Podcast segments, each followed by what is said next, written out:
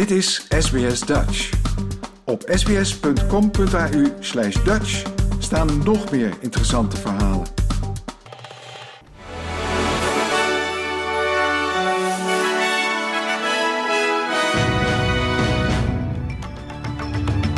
Dit is de SBS Nieuwsflits van woensdag 29 november. Mijn naam is Paulien Roesink.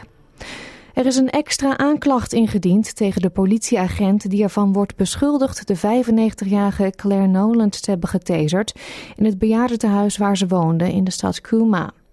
De politie van New South Wales zegt dat er op advies van het Openbaar Ministerie een aanvullende aanklacht wegens doodslag is ingediend tegen de 33-jarige senior constable. Voor de vijfde dag op rij hebben Israël en Hamas gevangenen vrijgelaten. De gevangenenruil is onderdeel van een gevechtspauze. Israël liet 30 Palestijnse gevangenen vrij, 15 vrouwen en 15 jongens van tussen de 14 en 17 jaar. Hamas heeft 12 gijzelaars laten gaan, 9 Israëlische vrouwen, een Israëlisch meisje van 17 en twee buitenlanders. In het zuiden van Polen zijn vier mensen omgekomen bij een ongeval op een mijnensite. Een woordvoerder van het staatsmijnbureau zegt dat het ongeval plaatsvond in Subitski in de stad Jaworzno.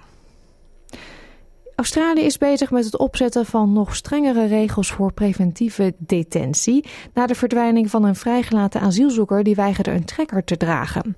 Minister van Buitenlandse Zaken Claire O'Neill zegt dat de Albanese-regering aan wetgeving werkt die het mogelijk zou maken om gedetineerden die reeds zijn veroordeeld voor misdaden opnieuw vast te houden. Uit landelijk onderzoek blijkt dat de klimaatcrisis de grootste zorg is voor jonge Australiërs. In het Youth Thirst Survey Report 2023 van Mission Australia onder 19.500 jongeren tussen de 15 en 19 jaar oud geeft 44% aan dat de klimaatproblemen hen het meest bezighoudt. Meer dus dan de betaalbaarheid van huisvesting en geestelijke gezondheid. En een week na de Tweede Kamerverkiezingen in Nederland is oud-PVDA-minister Ronald Plasterk de nieuwe verkenner in de formatie. Hij is de opvolger van de PVV'er Gom van Strien, die gisteren zijn functie neerlegde vanwege berichten over fraude bij zijn voormalige werkgever. PVV-leider Wilders stelde Plasterk voor en daar bleek grote politieke draagvlak voor te zijn. Alleen de Partij voor de Dieren en Denk waren tegen. Plastek gaat nu uitzoeken hoe de verschillende partijen tegen de verkiezingsuitslag aankijken. En tot zover deze nieuwsflits. Volg de SBS Dutch podcast voor meer nieuws en achtergronden of bezoek onze website www.sbs.com.au Dutch.